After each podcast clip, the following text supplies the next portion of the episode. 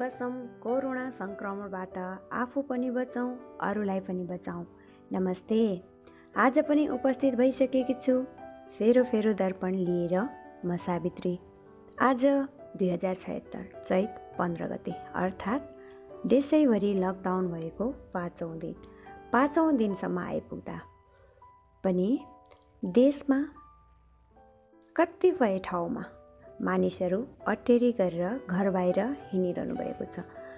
Lockdown भएको नबुझ्नु भएको हो या अटेर गरी बाहिर फेर हिँड्नु भएको त्यसैसँग सम्बन्धित रहेर आफू पनि बचाउँ अरूलाई पनि बचाउँ भन्दै आजको कार्यक्रम लिएर आएकी छु। सुन्दै गर्नुहोला सेरो फेरो दर्पण पडकास्ट सावित्रीको साथमा।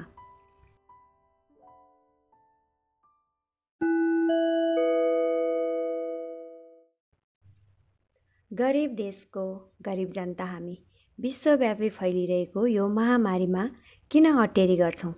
एकछिन सोचौँ हामी अटेरीपन कहिलेसम्म गर्ने? कतै हाम्रो अटेरीपनले भोलि देशको ठुलो क्षति हुनसक्छ। हामीले पनि त्यो क्षति बेहोर्नु पर्ने हुनसक्छ। त्यसैले सचेत रहौँ सजग रहौँ। यो लकडाउन हाम्रै लागि हो। बाँचियो भने संसार देखिनेछ। त्यसैले यस्ता कुरामा हेलचेक्राइ नगरौँ। धैर्य गरौँ। घरभित्रै बसेर सच्चा देशभक्ति बनाऊ सरकारलाई सहयोग गरौँ। यो समय साथीभाइ भेट्ने घुम्ने समय पक्कै पनि होइन। कोरोना आफै तपाईँको घरमा आउँदैन। जबसम्म तपाईँ यसलाई लिन बाहिर जानुहुन्न। त्यसैले बाहिर नगई नआउने यस्तो कोरोना सङ्क्रमणको लागि किन निमन्त्रणा गर्ने हामीले? हामी भित्रै बसेर पनि त यसबाट बच्न सक्छौँ नि। घरभित्र बस्नु भनेको सङ्क्रमणलाई नियन्त्रण गर्नु हो। लकडाउन कर्फ्यू जस्तो होइन। पाँच बजेपछि खुल्ने या भनौँ कर्फ्यू तोड्दा देखाइएको बहादुरी पनि होइन यो। लकडाउन तोड्नु भनेको कायरता हो प्रदर्शन गर्नु हो। घरभित्र बस्न नसक्नु हो। तपाईँ आफ्नो स्वास्थ्यमा ध्यान दिन नसक्नु। आफ्नो स्वास्थ्यलाई पनि खेलवाड गर्नु र अरूको स्वास्थ्यमाथि पनि खेलवाड गर्नु हो। के तपाईँ आफू र आफ्नो परिवारको लागि सोच्नुहुन्छ? तपाईँलाई घरमा बस्न कडा कानुन र सुरक्षाकर्मीको लाठी चार्ज गर्नुपर्छ भने तपाईँलाई सरकारले कुनै काम दियो भने के गर्नुहुन्छ? विचार गरौँ। घरमै बस भन्दा त अटेर गरेर चोक चोकमा निस्किनुहुन्छ। सुरक्षाकर्मीहरूको लाठी चार्जमा पर्नुहुन्छ भने यसलाई हामी कसरी बुझ्ने? सुरक्षाकर्मीका लागि घरमा बस्ने होइन। तपाईँको सतर्कता र तपाईँको स्वास्थ्यको लागि घरमा बस्ने तपाईँको परिवारको स्वास्थ्यको लागि हो। यही यही तपाईँले अनुशासन हुनुहोस्। यही अनुशासनले तपाईँलाई नै सङ्क्रमणबाट बचाउन सक्छ। नेपालीहरू किन अबुझ भएका छन्? ब्रेक द चेन्ज हुन सक्नुपर्छ। कहिलेको समय अहिलेको समय। धेरै फरक छ। अहिलेको समय भनेको आत्मअनुशासनको समय हो।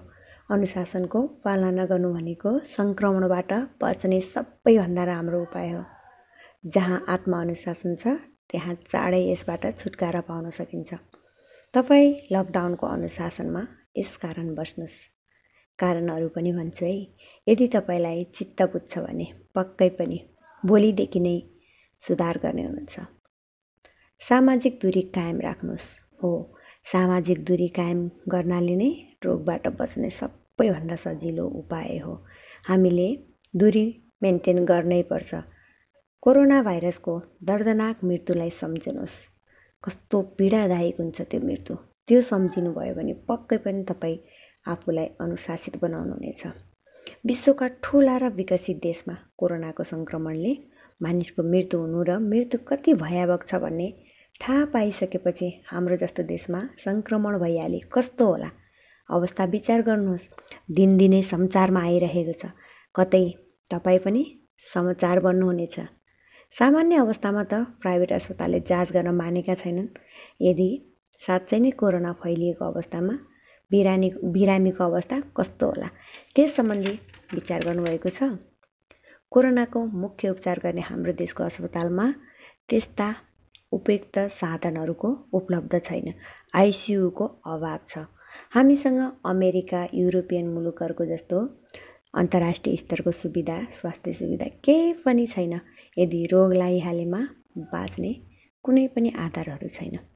तपाईँलाई हाई फिभर मात्रै आयो भने पनि निजी अस्पतालले भर्ना लिन सक्दैन। र सरकारी अवस्था अस्पतालको हालत त तपाईँहरूलाई नै थाहा छँदैछ। मैले भनिरहनै पर्दैन। कोरोनाका बिरामी देख्दा डाक्टर पनि डराउँछन्। किनकि अस्पतालसँग पिपिए छैन कुनै पनि उपकरणहरू छैन जसले डक्टरहरूलाई पनि सुरक्षित राख्न सकोस्। यदि कोरोनाबाट मृत्यु भएमा तपाईँले तपाईँको परिवारको शरीर पाउनुहुन्न। साथै अन्तिम संस्कारका लागि कोही पनि सामेल हुँदैन एक्लो परिनेछ जबकि इटाली लगायत पाँच विकसित देशहरू त यस्तो सङ्क्रमणबाट हार खाइसकेका छन् भने हामी जस्तोको अवस्था के हुन्छ? विचार गरौँ है। कोरोना भित्रन सक्छ किनभने हाम्रो देशमा पनि सङ्क्रमण भएर सङ्क्रमितको सङ्ख्या बढिरहेको अवस्था छ। त्यसैले मृत्युभन्दा एकान्त रोज्नुहोस्। यो समय कठिन समय हो। गाह्रो छ। भित्रै बसेर पनि जीवन कटाउन गाह्रो भएको छ। तर यो त आराम गरेर बस्नुहोस् न। केही कठिन समयलाई सदुपयोग गर्नुहोस्। घरमै बसेर पनि त धेरै कामहरू गर्न सकिन्छ। यो एउटा तपाईँको लागि मौका पनि हो। आत्म अनुशासित हुने। हामीले यसबाट धेरै अनुशासन पनि त सिक्न सक्छौँ। बारम्बार साबुन पानीले हात धुने लगायतका कार्यहरू गर्नाले पनि धेरै कुराहरूलाई अनुभव र अनुशासित बनाइरहेको छ नि। विभिन्न अनलाइनका च्यानलहरू छन्। ती च्यानलहरू हेर्नाले पनि त धेरै कुरा सिक्न सकिन्छ टाइम पासहरू गर्न सकिन्छ। टाइम पास गर्न सकिएन भन्दैमा घरबाट बाहिर हिँड्ने काम चाहिँ एकदमै गलत हो। त्यो कसैले पनि गर्नुहुन्न। तपाईँ एउटाको गल्तीले नै हो। सबैलाई सङ्क्रमित बनाउनु। मैले के गरेर हुन्छ? होइन। एउटा एउटाबाट नै सङ्क्रमण धेरै सङ्ख्यामा बढ्ने त्यसैले म अनुशासित हुन्छु। मबाट नै सङ्क्रमण रोक्न सक्छु भन्ने आफूमा विश्वास जगाउन सक्नुपर्छ। त्यसैले बच्यौँ भने संसार देख्नेछौँ घुमेर नहिँडौँ सङ्क्रमणबाट। आफू पनि बचौँ अरूलाई पनि बचाउँ सेनिटाइजरको प्रयोग गर्न जानेका छौँ। तर कहिले कहिले सेनिटाइजर प्रयोग गर्ने बित्तिकै ग्यासहरू खोल्दा ग्यासले हात पोल्न सक्छ किनभने सेनिटाइजरमा अल्कोहलको र स्पिडको मात्रा हुन्छ। त्यस्ता कुरामा पनि विचार भने पुऱ्याउनुपर्छ हरेक कुरामा विचार पुऱ्याउँ हरेक चिजमा कोरोना भाइरस हुनसक्छ भनेर सचेत रहौँ। कुनै पनि बाहिरका चिजहरू लिएर आउँदा यसमा पक्कै कोरोना छ है भनेर त्यसलाई प्याकेटमा भएका चिजहरूलाई पहिले साबुन पानीले धुन सक्छौँ। साँचोहरू ती चिजलाई पनि साबुन पानीले धुन सक्छौँ भने ह्यान्डलहरूमा सफा गर्न सक्छौँ। त्यसैले कोरोना सङ्क्रमण एउटा कहर हो। यो हाम्रो बाध्यता हो। तर पनि हामी सबै अनुशासित हुनुपर्छ। हामीले मैले गरे जे पनि हुन्छ भने अनुशासनलाई तोड्नु हुँदैन। सबैजना अनुशासित रहिदिएमा चाँडै नै यसबाट हामी छुटकारा पाउनेछौँ। यति भन्दै।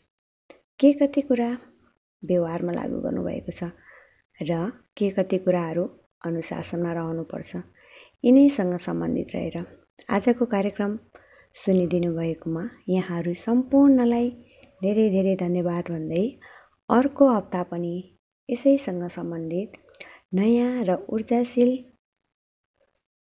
विषयमा कुरा गर्न आउनेछु। अहिलेलाई भने नमस्ते।